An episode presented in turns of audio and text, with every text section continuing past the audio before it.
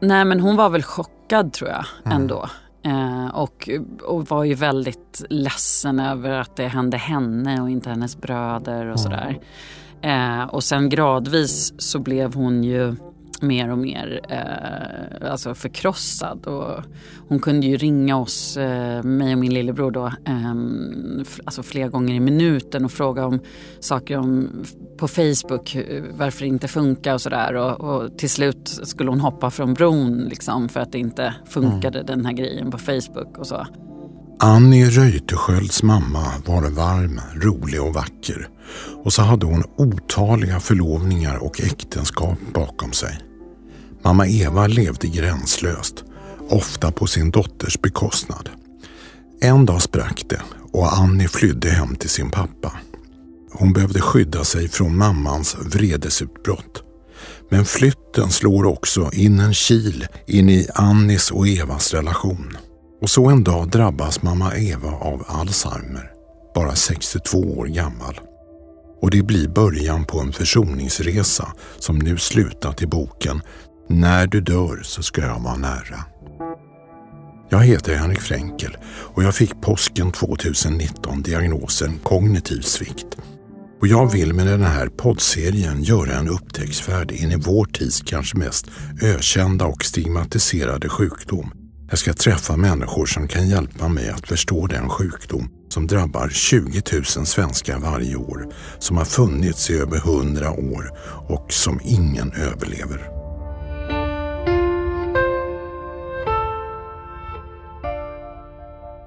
Och här i studion så har jag Annie Reuterskiöld. Välkommen! Tack så mycket. Du är politisk reporter, har precis lämnat Svenska Dagbladet och ska efter sommaren gå till Dagens Nyheter. Kul inför valet. Mhm, precis, jag kommer rakt in i hetluften där i augusti. Varför byter du? Ja, det är en egen podd eh, om jag skulle förklara det i detalj. Men det är ju väldigt roligt att få jobba för Dagens Nyheter som är ändå den största tidningen och eh, flest läsare. Eh, det är ju någonting med det. Eh, och sen så tycker jag om hur Peter Wolodarski också driver tidning. Eh, han är en stark publicistisk röst som jag verkligen uppskattar. Kul! Men det är inte därför vi sitter här. Du har precis gett ut boken När du dör så ska jag vara nära. Och då har jag tänkt så här, vad betyder den meningen egentligen? Ja, det är ju på något sätt lite dubbelt för att boken utspelar ju sig under corona och pandemin eh, och när det var besöksförbud. Så det är ju på ett sätt då att, att eh, jag inte får träffa mamma när hon är på äldreboendet. Men, men det är framförallt ett inre avstånd eh, som jag försöker överbrygga. Ehm, och det insåg jag fanns när jag fick höra att eh, corona hade kommit in på äldreboendet. Alltså, och då insåg jag ju att det är väldigt stor risk att mamma dör. Eh, och då kände jag... Utan att du kan vara där. Ja, precis. Och det var ju en chock i sig. Eh, och då kände jag också att jag hade jättemycket kvar att bearbeta från vår relation. För det handlar ju om en stökig och rätt frustrerande relation som du har till din mamma. Och vi, vi ska komma in på det, men vad var jobbigast tycker du? Innan hon blev sjuk. Eller, ja, men det är någonting som har vuxit fram också medan jag har jobbat med boken. Ehm, för det var lättast i början att eh, sätta fingret på eh, hennes temperament och att hon kunde bli sådär väldigt, väldigt arg. Ehm, men, men jag har insett nu att det svåraste är, eller var, att hon inte förstod riktigt föräldrarollen. Och, och att hon hade en slags förväntan att jag skulle uppfylla hennes behov. Ehm, och att jag blev liksom som en förlängning av henne på något sätt. Och när jag då inte eh, gjorde det så blev jag istället någon som svek henne. Ehm, så, så det tror jag, och det är liksom någonting som hon också var helt omedveten om. Så hon var väl liksom en emotionellt omogen eh, förälder. Men du berättar att hon är gränslös och jag tror att du skriver någonstans kanske borderliner. Och hur yttrade sig det i vardagen? Ja, alltså det där med borderline är verkligen eh, odiagnostiserat mm. i sånt fall. Eh, men när jag, jag har läst på om, om den eh, mm. diagnosen så tycker jag att mycket stämmer. Och det är just det här att man ehm, Ja, men, men om då, du ger bilder? Ja, nej men det, det är just det här att man till exempel eh, inte förstår riktigt eh, sin roll som förälder. Att man eh, förväntar sig att eh, en, ett barn ska vara tacksam till exempel. Och det handlar ju om sår hos den personen. Mm. som, den, den har inte fått sina emotionella behov tillgodosedda när, när hon då i sånt fall var mm. liten.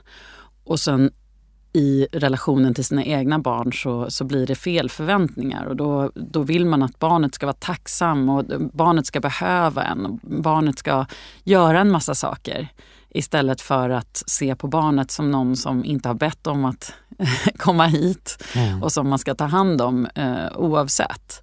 Men hon var gränslös. Alltså, var gränslös du, men var du också gränslös? Det vill säga, gick du utanför din egen barnroll? Absolut, men jag, jag har svårt att beskriva henne som gränslös. Alltså, folk utifrån kanske tycker det. Eh, om man tänker på att hon har gift sig eh, många gånger och sådär. Eh, eller ja, ja. Men, men ja, hela vår relation var gränslös. Mm. Det, det, så känns det kanske bättre att säga. Att, och det är att jag var förälder till henne mycket. Mm. Eh, alltså på ett känslomässigt plan. Hon tog ju hand om mig, hon mm. köpte ju all mat och mm. skjutsade mig till träningar och allting. Det var ju aldrig något problem på det sättet. Men eh, ja, vi hade en gränslös relation där ingen, tror jag, riktigt förstod eh, var gränserna gick. Mm. Men som, när jag blev äldre så började jag förstå det. Mm. Men om vi backar bandet lite, vem var din mamma? Hon kommer ju från Sollefteå mm. och kommer från en, eh, en, liksom en, en, lite uppburen familj där mormor var otroligt vacker och hennes pappa var tandläkare vid regementet och det var mm. liksom eh, hennes bröder var snygga och smarta och sådär. Hon, hon pratade alltid om dem så. Mm. Och hon pratade alltid om sig själv som den liksom söta flickan som bara hängde med ungefär. Ehm, jag tror att hon hade ett ganska dåligt självförtroende i grund och botten. Eller jag vet nästan att hon hade det. Jag försökte alltid liksom pumpa upp det på något sätt eller hjälpa henne med det. Att du är ju jättebra på jättemånga mm. sätt. Liksom. Det är inte bara dina bröder som kan rita fint eller mm. är smarta och sådär. Vad gjorde hon? Hon ju, var ju lärare ja. Hela livet i princip. Eh, och eh, hade både vanliga, alltså som klasslärare men sen eh, vidareutbildade hon sig till eh, specialpedagog. Mm. Eh, och hon var ju otroligt rolig, hon hade en fantastisk humor. Mm. Hon kunde berätta för oss utan att liksom vara, att, att hon inte respekterade sina elever med särskilda behov men hon kunde ändå berätta om dråpliga situationer. att var, hon hade någon elev som mjauade när han, när han svarade rätt och, och skällde när han svarade fel. Och sådär. Och då, det kunde vara väldigt kul att lyssna på hennes historier. Det är sånt man inte får göra som lärare. Nej precis. Och det, och det, hon, det är också gränslöst. Absolut. Men, men, och det är liksom lite det, hon såg inte riktigt mm. regler som vi andra såg. Utan jag beskriver det i boken också hur mm. hon gick och köpte stickad tröja och skickade till min bror när han hade fått barn och sagt att hon hade stickat den själv och sådär. Mm. Liksom det, det, är någonting i det där att hon, man töjer lite på... Hon skarvade hela, ja. hela tiden. Men eh, det speciella också eh, som är väldigt synligt i din bok det är att eh, hon var gift minst fyra gånger skriver du och förlovad minst sex gånger. Det vill säga, du hade inte riktigt koll på hur många gånger hon var förlovad eller gift. Nej, när jag var liten så sa jag alltid att hon var eh, förlovad eh, sju mm. gånger och, och, gift fyra eller något så. Ja, ja, det var väl lite olika. Ja. Men då, det är ju det är svår, svårt att hålla reda på när det blir så där många.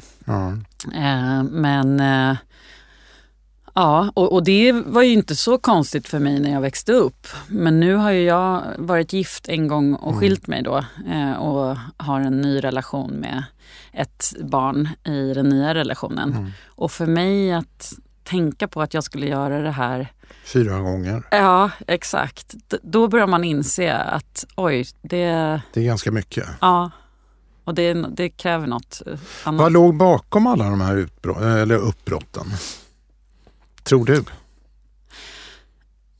Eh, ja, ja, det är en svår fråga. Jag tror att hon hade en, en barnslig syn på livet. Att hon skulle bli uppfylld och lycklig och hel mm. eh, av en man. Eh, och att allt skulle bli bra bara hon hittade rätt. Mm. Um, och så blir det ju oftast inte. Mm. speciellt inte om man väljer någon för um, att de är snygga eller något sånt där. Alltså jag tror att hon kanske också valde partner inte utifrån en, en grundad um, emotionellt trygg plats mm. utan mer att hon sökte sig efter en räddning. Mm. Men det var ju också destruktiva eh, äktenskap har jag förstått. Ja, eller ett var det egentligen. Var det. det. sista var det. Um, och sen tror jag också att ju fler skilsmässor det blir desto kanske lägre i tröskeln också. Mm. Alltså när vi var små så, så kunde hon liksom rusa ut efter ett bra Nu skiljer jag mig, nu skiljer jag mig. Liksom det blev som en mm. Det blev liksom som ett eh, verktyg i, mer än en otänkbar eh, lösning. Mm. Eh, men sen hade hon ju ett, ett, eh, temperament och jag tror hon också kunde vara väldigt, eh, just för att hon var osäker kunde hon vara svartsjuk. Och det kunde liksom, men sen så låg inte allt på henne heller utan it takes two to tango. Eh, mm. Men jag tror framförallt att, att det var en, en, en liksom omogen syn på livet kanske som, som spökade. Ni är fyra syskon. Har ni olika papper? Mm, mina äldre två bröder har samma pappa. Okay. Och sen har jag eh, min pappa och sen så har min lillebror då en, en tredje pappa. Vad tänker du om det? Um, Ja, I mitt eget fall så tänker jag att det är väldigt tur för mig att jag har min pappa. Han har mm. alltid varit väldigt eh, stabil och eh, emotionellt och känslomässigt alltså, trygg. Mm. Eh, och alltid där. Och, eh, inte, det gick inte att ifrågasätta hans kärlek. Så mm. för mig så har det varit väldigt bra. Um, och sen så har det varit ett naturligt för oss på något sätt. Mm. Eh, alltså det var ju så vi växte upp. Men vi har alltid varit väldigt nära, vi syskon. Men du såg en massa män komma och gå. Vem, vem var du mitt i alltihopa? Ja, det var nog ett av grundproblemen för mig också. Att, ähm, att vår, vårt liv blev så annorlunda när det kom in en, en ny man. Och då var det inte bara de här fäderna till mina bröder utan det, hon hade ju många relationer. Mm. Och då blev det som att allt vändes eh, för att, eh, att den mannen skulle vara nöjd på något mm. sätt. Och då hamnade ju vi i, i, i andra hand. Mm. Eh, och det tror jag skadade faktiskt mitt eh, självförtroende ändå. Mm. Eh, att, man, att man eh, på ett undermedvetet plan inser att man inte är viktigast för sin mm. förälder. Eh, eller kanske till och med på ett medvetet plan. Det var inte sådär jätteväl dolt. Men det hände ju bara en massa andra saker i med uppbrott och nya äktenskap. Det var nya hem och nya möblemang och sen ska man flytta igen. Hur kändes det? Det blev ju också som ett eh, sätt att leva på något sätt. Eh, att jag var van vid eh, uppropen i skolan. Liksom, är det någon som har ändrat adress över sommaren? Ja, ja liksom igen. Mm. Um, och, och jag, tror in, jag pratade in, inte med någon om det. Mamma pratade aldrig med mig om det. Um, så när jag var 14, 15 och, och fick jättenära vänner, mm. då hade jag en sån natt med dem när vi satt och pratade bara om hur vi hade vuxit upp och sådär. Mm. Och det var otroligt förlösande för mig att, att få dela med mig. Det var som att jag gick med den här mm. som en hemlighet på något sätt. Och, och, mamma hade ju liksom aldrig pratat med mig om det, att det, att det kunde vara jobbigt. Mm. Um, så Nej, men det, och det var ju mycket bråk innan varje skilsmässa också. Eh, så att det var ju en otrygg eh, uppväxt, verkligen. Och sen fick jag ju ta alldeles för mycket ansvar och eh, ville liksom hjälpa henne med allting som barn alltid vill på något sätt. Och så en dag så flyttar du hem till din pappa. Varför det? Ja men det, var ju, det hade ju varit väldigt stökigt då med, med mammas, sist, i mammas sista äktenskap. Um, och det utvecklades till att, att han misshandlade henne. Um, sen var det inte, jag tror inte att det var så många gånger, men det var en natt när, mm.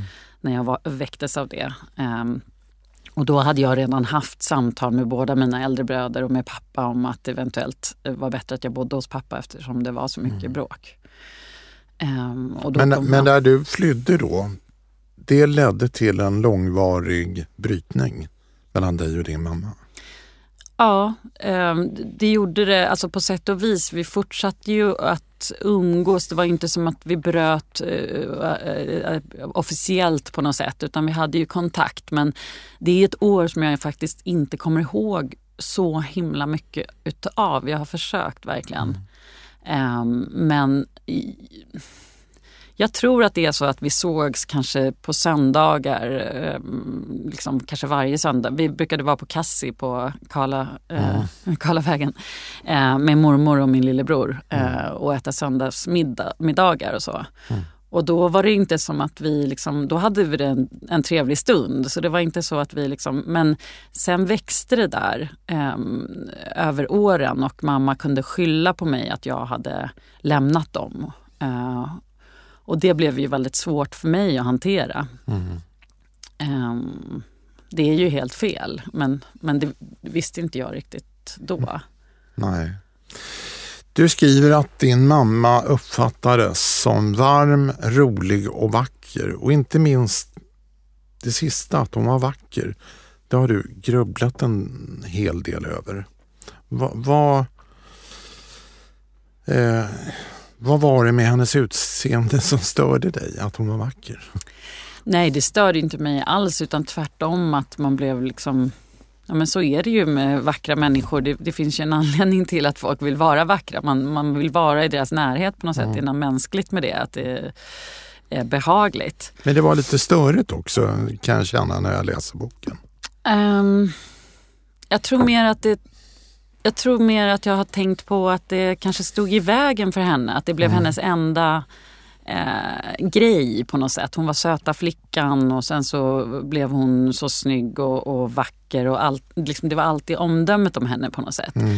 Och att hon inte fick vara mer. Och hon, jag tror, eller hon var ju mycket mer. Mm. Och det var också symptomatiskt att de på äldreboendet alltid sa till mig mm. att hon var så söt, att hon söt och vacker och fina mm. kläder och sådär. Att det liksom, man kände att, ja, att, det, att det på något sätt eh, inte alltid är bra. Eh, och sen så tror jag inte hon hade hittat så många män heller att gifta sig med om hon inte var så jävla snygg. Nej. Eh.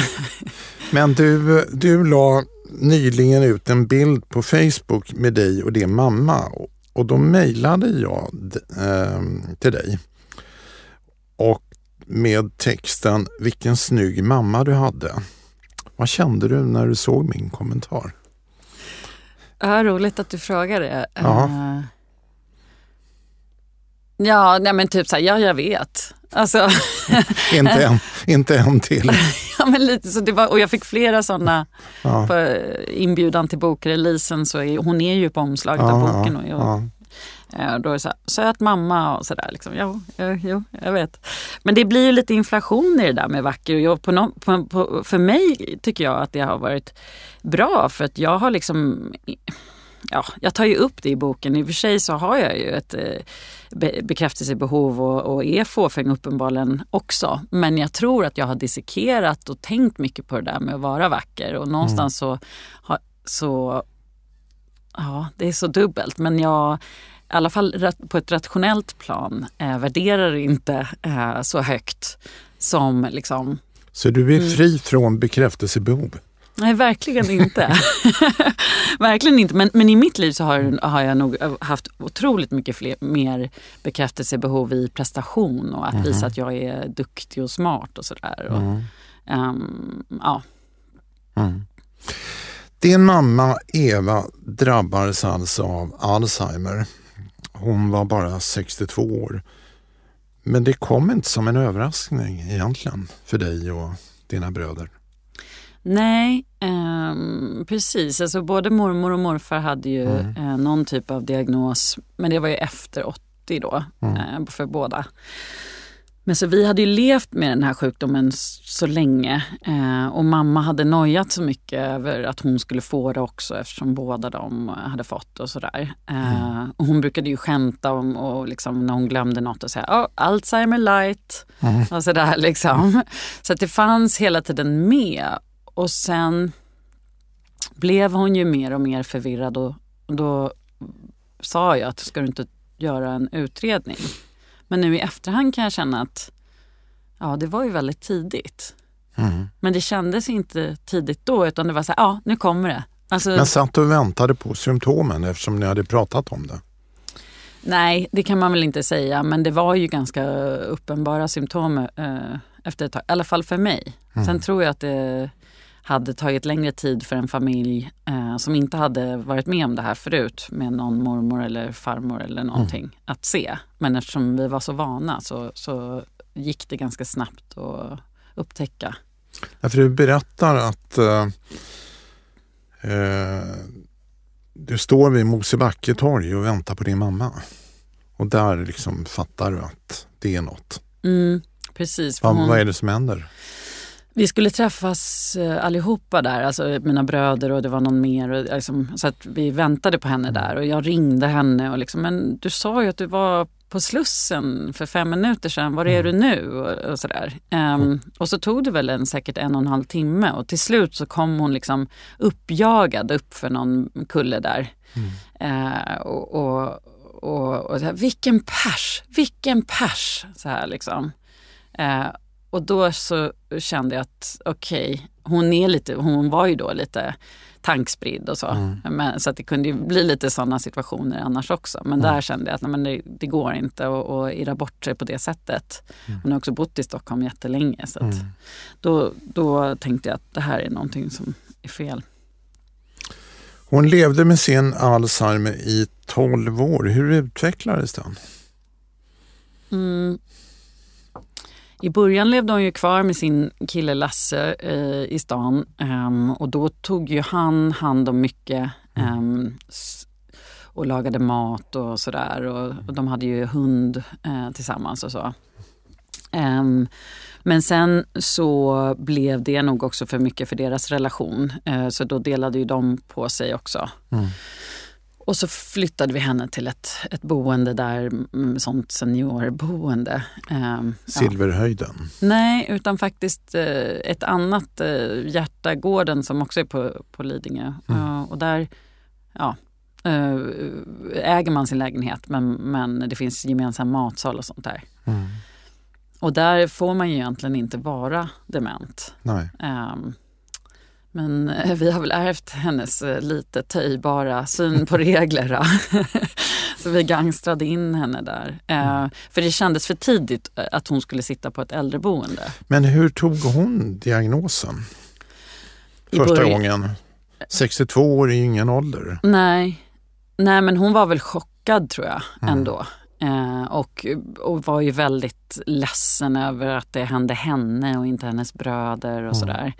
Eh, och sen gradvis så blev hon ju mer och mer eh, alltså förkrossad. Och hon kunde ju ringa oss, eh, mig och min lillebror då, eh, alltså flera gånger i minuten och fråga om saker om, på Facebook, varför det inte funkar och sådär. Och, och, till slut skulle hon hoppa från bron liksom för att det inte funkade mm. den här grejen på Facebook och så. Um, så det blev ju ett år eller två år där som var väldigt jobbiga. Uh, det tycker jag är de värsta åren. När hon bodde där i sin egen lägenhet, hade hemtjänst och eh, saker och ting började liksom erodera runt henne på något sätt. Uh, Och, ja, nej, men, men vad då, kunde du om sjukdomen då? då? Satte du igång och började plugga på? Lite grann, men inte så mycket. Jag tyckte liksom att jag kunde mycket eftersom jag hade levt så nära mormor och morfar. Mm. Um, så jag visste ungefär. Alltså nu blir det ju som en mormor, tänk, liksom, mm. ungefär. Um, och jag försökte läsa lite grann. Men sen så är det ju också så, man måste leva sitt eget liv. Och, eller så tänkte jag i alla fall. Att uh, ja, det, det, går inte riktigt. Och sen tror jag också att för mig blev det ju uh, att vi hade en så pass uh, svår relation ändå sen innan så är det också ett motstånd att lägga hela sitt liv då mm. eh, på att eh, hjälpa den föräldern som man har mm. Mm, problem med redan innan. Alltså det blir svårt att ta hand om någon fullfjädrat när man inte tycker att man har blivit omhändertagen på samma sätt själv. Mm. Men jag det var absolut inte så att jag eh, lämnade henne eller någonting sånt. Men det fanns alltid ett, ett, en dubbelhet i det där. Att ska jag ta hand om henne en gång till nu då? Ännu mer? Det tog men, men samtidigt får man en känsla av när man läser din bok att sjukdomen blev ju räddningen för er relation också. Mm, Varför precis. det? Ja, men det var mer efter, eh, efter ett tag där hon bodde på äldreboendet. Mm. För att eh, ja, men då, det var ingenting jag förstod direkt men, men den insikten eh, växte fram på något sätt. Att, eh, nej, men att hon eh, slutade och, och ehm, bli sur över saker som man inte riktigt förstod från början. Alltså det gick så snabbt annars mm. att hon plötsligt var sur över något och, och då, liksom, då, då, då, fick man känslan av att man inte var värd någonting när hon blev på dåligt humör. Mm. Uh, och det, hela den sidan försvann. Uh, och så blev hon alltid jätteglad när jag kom, alltså otroligt mm. glad och liksom berätta för alla, här är min dotter, min dotter Annie och sådär. Mm. Och så otroligt uh, kärleksfull alltid. och och då, så det var härligare att träffa henne då? Det var det ju inte heller eftersom det inte riktigt var hon. Alltså det är alltid svårt när mm. någon förändras. Men det var lättare? Det var lättare på det sättet att, att jag visste var jag hade henne. Um, men det var alltid sorgligt ändå i, i grunden uh, eftersom hon uh, hela tiden försvann. Mm bit för bit. Men det finns ett citat i boken som jag har tänkt mycket på. Du skriver så här. Sjukdomen skyddade mig från en framtid med dig. Ja, eller precis att jag... Det är en väldigt stark mening. Ja, alltså jag reflekterar över det och jag, jag, alltså jag tror att det hade kunnat vara svårare eh, känslomässigt faktiskt. Eh, just för att det, är, det var otroligt smärtsamt. Mm. Eh, att när hon, när hon vände sig eh, emot mig och mm. när hon liksom tyckte att jag var otacksam eh, mm. och att, eh, att, att hon inte tyckte att, eller att hon tyckte att jag svek henne och så. När jag alltid har försökt att hjälpa henne mm. eh, och, och gjort det för mycket. Men det är också en väldigt brutal mening. Sjukdomen skyddade mig från en framtid med dig. Vad tänker du om den meningen idag? Alltså det, det, är man... det frigörande att skriva så?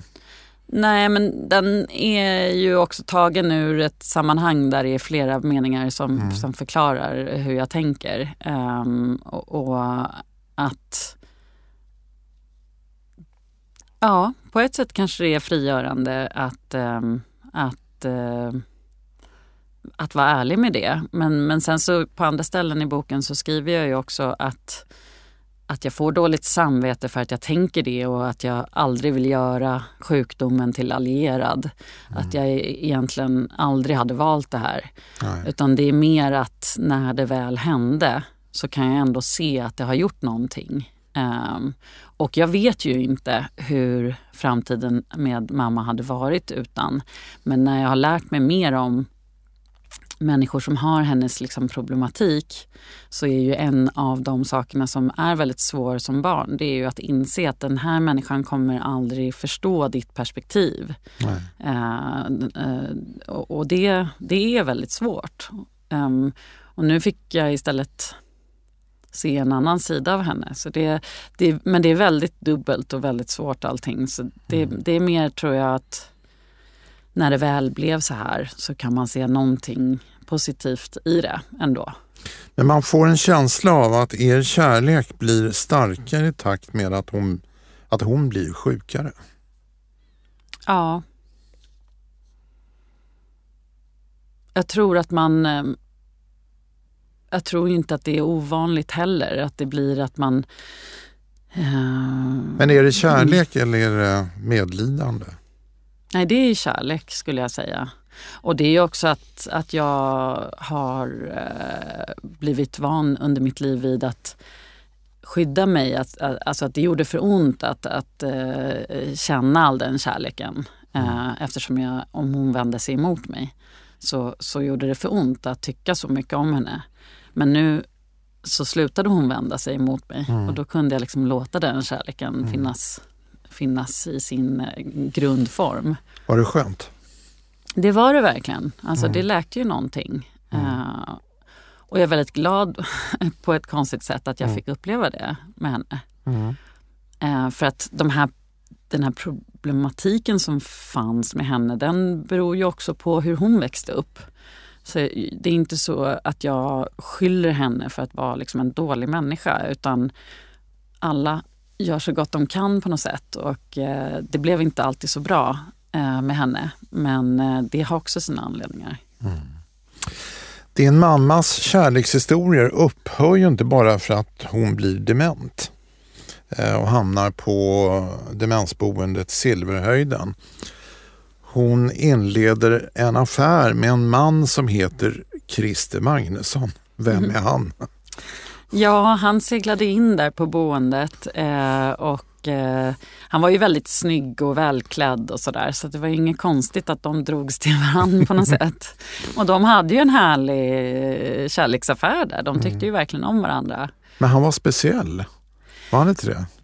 Eh, jag tror att han var en jättekul eh, man i, ja. i, i, sitt liv och alltså, man märkte att han alltså, skulle varit en fantastisk liksom, uh, center of the party uh, mm. person. Uh, men hans demens tog sig ut på ett annat sätt. Så, han, han fantiserade mycket liksom, eller på något sätt. Eller han, så han kunde stå och säga, ja, jag kan, nu ska jag ut till Utö och, med båten så att jag kan inte vara kvar och sådär. Mm.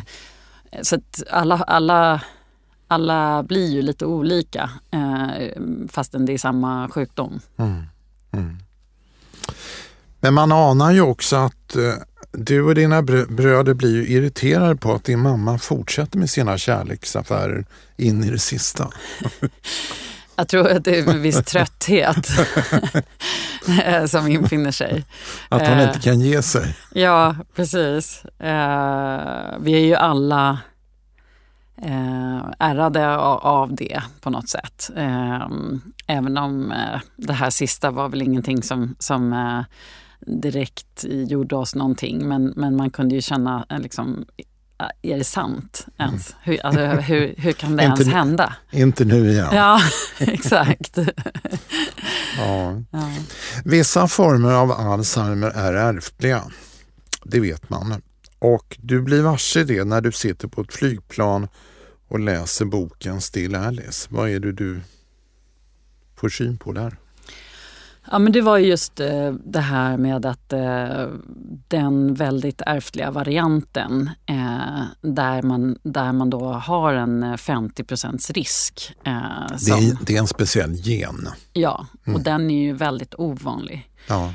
Um, men, men ett tecken på det eh, kan vara då att, mm. att, man har, att, man, eh, att det bryter ut tidigt. Mm. Som det gjorde med mamma. Och då var det väl så att jag läste det där, jag hade aldrig läst det förut och drog mina egna slutsatser. att Okej, okay, då är det 50% risk att jag får det. Mm. Um, nu har jag, och då la jag bara ner boken. Jag fick faktiskt en panikångestattack, en riktig panikångestattack. Um, och la ner boken och mm. uh, har inte läst om det igen förrän jag nu började med, med min egen bok. Mm. Och det är jag glad för att jag har gjort för då har jag ju lärt mig mer och mm. har ju insett att, att det är en väldigt liten risk. Um, att, att vi just har den här genen i vår familj. Du vet vad som händer i den boken. Hon är ju då 50 år plus. Och eh, hon frågar sina tre barn om de vill testa sig. Och eh, eh, två av barnen vill testa sig. Det tredje vill inte. Ett av barnen bär på Alzheimer. Det andra barnet eh, har inte Alzheimer. Mm. Och vad tänker du om det för din egen del? Jag har ju anmält mig till en sån här släktutredning, mm. Karolinska. Um, och uh, det tror jag inte mina bröder skulle göra. Mm. Och varför har du gjort det? För att jag läste på om, om de utredningarna eh, mm. och jag tyckte att det, var, det lät skönt eh, att få göra en sån utredning eh, för att man behöver, det behöver inte sluta med att man tar ett blodprov. Utan du kan bara få prata med läkare eh, och prata om din släkt och, och, se hur det har gått mm. igenom. Eh, och också, jag tror också att jag hade ett behov av att prata om det mm. med någon. Eh, det tyckte jag och så tyckte jag att men, sen kan jag bestämma sen om jag tar ett blodprov eller inte. Kommer du göra det? Alltså jag tror inte det för att jag har bara haft ett, nu ringde de ju två år senare. Det mm. blev lite försenat med, mm. på grund av pandemin. Men då hade vi ett första samtal. Mm. Och hon lät eh, som att, alltså när jag målade upp vårt släktträd och vilka som hade fått eh, mm. eh, diagnos och sådär så, var hon, så sa hon direkt att så här, ja, det, här, det här ser absolut inte ut som ett sånt släktträd där vi brukar mm. liksom känna att det är, är varningssignaler. Mm. Eh, så att bara det samtalet fick mig väldigt mycket lugnare. Um, och sen är det ju, alltså det, det, är ju tidig Alzheimer som jag är rädd för. Mm. Sen om jag får det liksom efter 80, det, det, det, kan, det kan få bli så ändå. Um, det är mer det här med barnen, att man inte vill försvinna bort vid 62. Men vad skulle det betyda för ditt liv om du bar på den genen? Ja, det skulle vara väldigt jobbigt tror jag. Um, mm. alltså, och i, i, i, princip enbart uh, med tanke på mina egna barn. Mm. Um, men någonstans så måste man ju acceptera det i sånt fall. Mm. Um, och så får man väl försöka prata om det väldigt mycket i sånt fall då. Eh, mm. Alltså hur man skulle hantera det. Mm. Men, men det är just därför som jag känner att jag nog inte skulle vilja ta ett blodprov ändå. För jag vill inte veta det så säkert. Nej. Jag förstår. Eh, vi måste faktiskt sluta snart, men några frågor till. Varför skrev du boken om din mamma? Det började ju med den här texten i Svenska Dagbladet som jag skrev bara som en krönika om att mm. inte kunna besöka någon som bor på ett äldreboende under pandemin. Och då fick du väldigt mycket reaktioner. Ja, mm. och det var en väldigt det var en stor upplevelse för mig att, att det, jag liksom läste varenda mejl och svarade mm. utförligt och kände en, liksom en släktskap med en massa människor som jag inte har träffat. Mm. Och jag kände att det fanns eh, ett sånt behov eh, och att jag kunde skriva en bok om det här. Eh, och, och då började jag tänka hur skulle man göra det och, och, då kom jag in på det här med minnet och att jag fascineras av hur det funkar och att det också skulle kunna bli vackert på något sätt i en bok. Att, mm. alltså att väva samman de eh, två. Och då kommer man ju oundvikligen in på vår relation och min barndom. Mm. Som ju inte är helt vanlig. Uh, ja, uh, så det fanns väl många liksom, syften eller anledningar till varför jag skrev den. Sen har jag ju alltid, alltid velat skriva böcker. Så att det fanns ju också en sån uh, vilja att ja, men här finns det en bok. Här, det här kan jag skriva en bok om. Mm. Jag har liksom letat efter det också. Mm. När du skrev, tänkte du på vad din mamma skulle säga om hon läste boken? Ja, fast kanske mest mina bröder. Mm. Uh, Men vad skulle din mamma ha sagt om hon hade läst boken? Om du hade gett henne ja. boken, läs den här. Jag vet inte det uh, faktiskt. Uh, jag skulle, tror... hon, skulle hon säga att du har helt fel, så här var det inte? Ja, det tror jag att hon skulle säga till viss del. alltså, hon skulle bli sur tror jag, eller, eller arg. Uh, men en av mina bästa vänner hörde av sig nu när de hade mm. läst den för att jag sa på bokreleasen att jag, jag vet verkligen inte vad mamma skulle säga. Mm. Och då sa hon att eh, jag är helt säker på att hon skulle vara otroligt stolt eh, om hon hade läst. Eh, och varför det? Jag har verkligen försökt att nyansera bilden av mamma eh, mm. och jag har verkligen försökt att liksom förstå henne. Och någonstans så tror jag att hon skulle se det. Uh, även om hon skulle vända sig mot uh, kanske vissa, vissa liksom scener eller att så där var det inte alls eller det har jag mm. aldrig sagt eller något sånt där. Mm. Um, så tror jag ändå att helheten i boken är uh, kärleksfull. Mm. Det är liksom inte en, en jag har inte gjort upp med mamma på något sätt, alltså på det här liksom hämndmässiga mm. sättet utan det, det ett försök att förstå hur mm. det blev som det blev. Det kan jag hålla med om som har läst boken, att den är ju väldigt kärleksfull. Mm. Så det, det har du ju lyckats med. Din mamma Eva dog på Silverhöjden hösten 2020, mm. var det mm. väl? Och du antyder det som jag tror många anhöriga inte vågar uttrycka, att det mitt ibland all sorg så kändes det som en lättnad.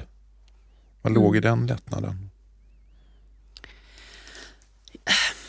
Ja, alltså det, det, var ett väldigt utdraget farväl. Eh, mm. Dels med den här eh, sjukdomsförloppet över tio år.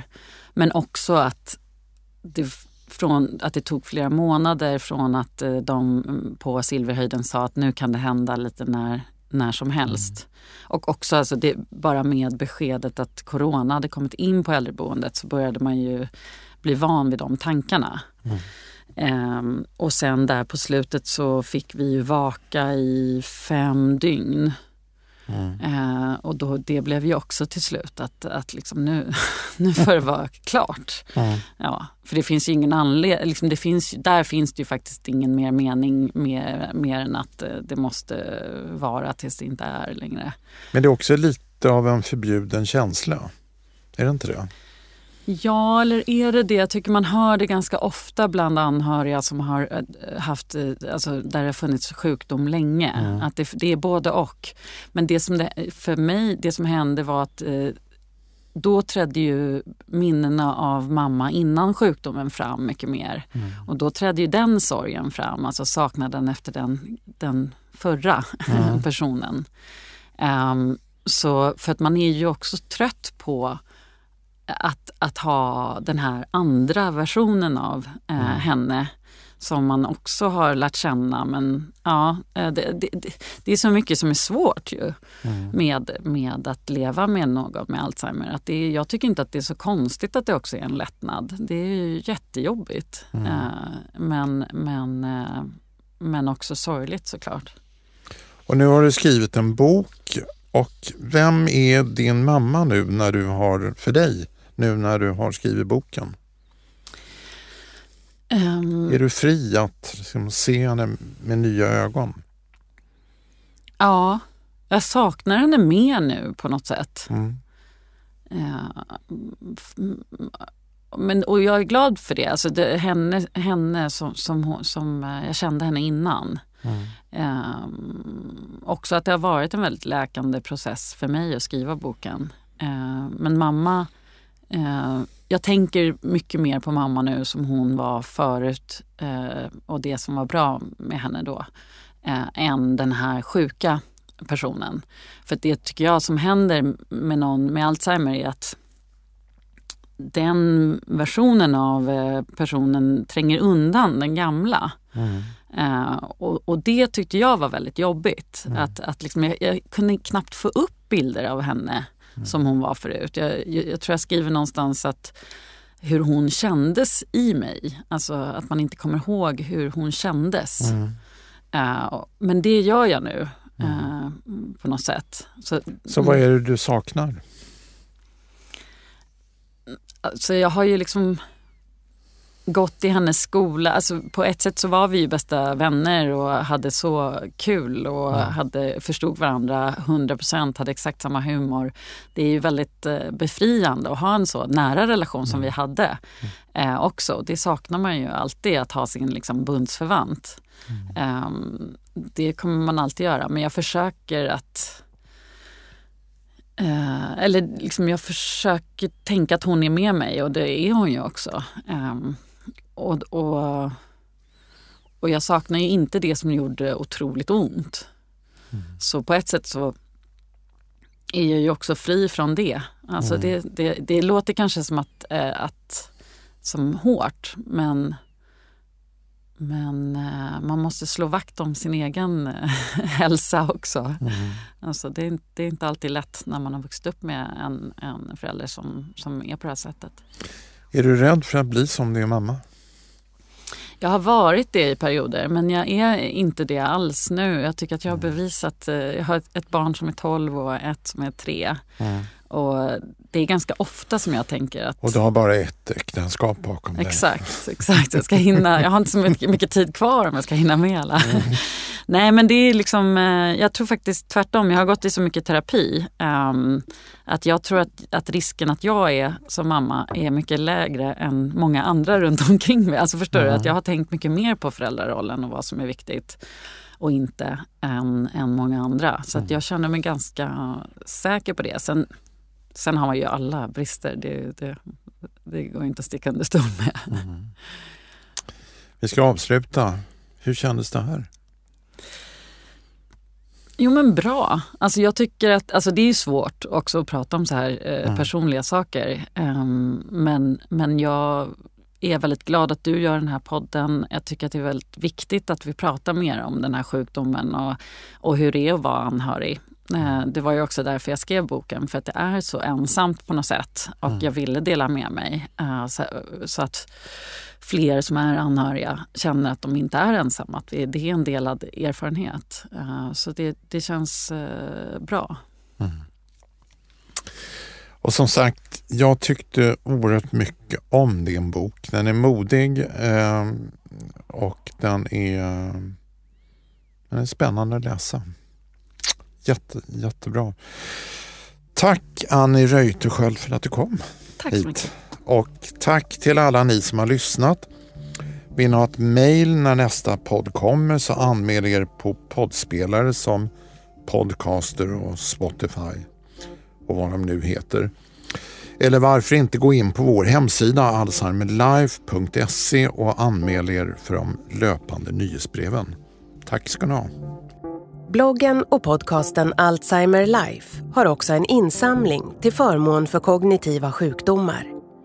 Ni kan hitta den på vår hemsida alzheimerlife.se och den görs i samarbete med Alzheimerfonden. Podden och bloggen produceras av stiftelsen Alzheimer Life och görs på Beppo. Beppo.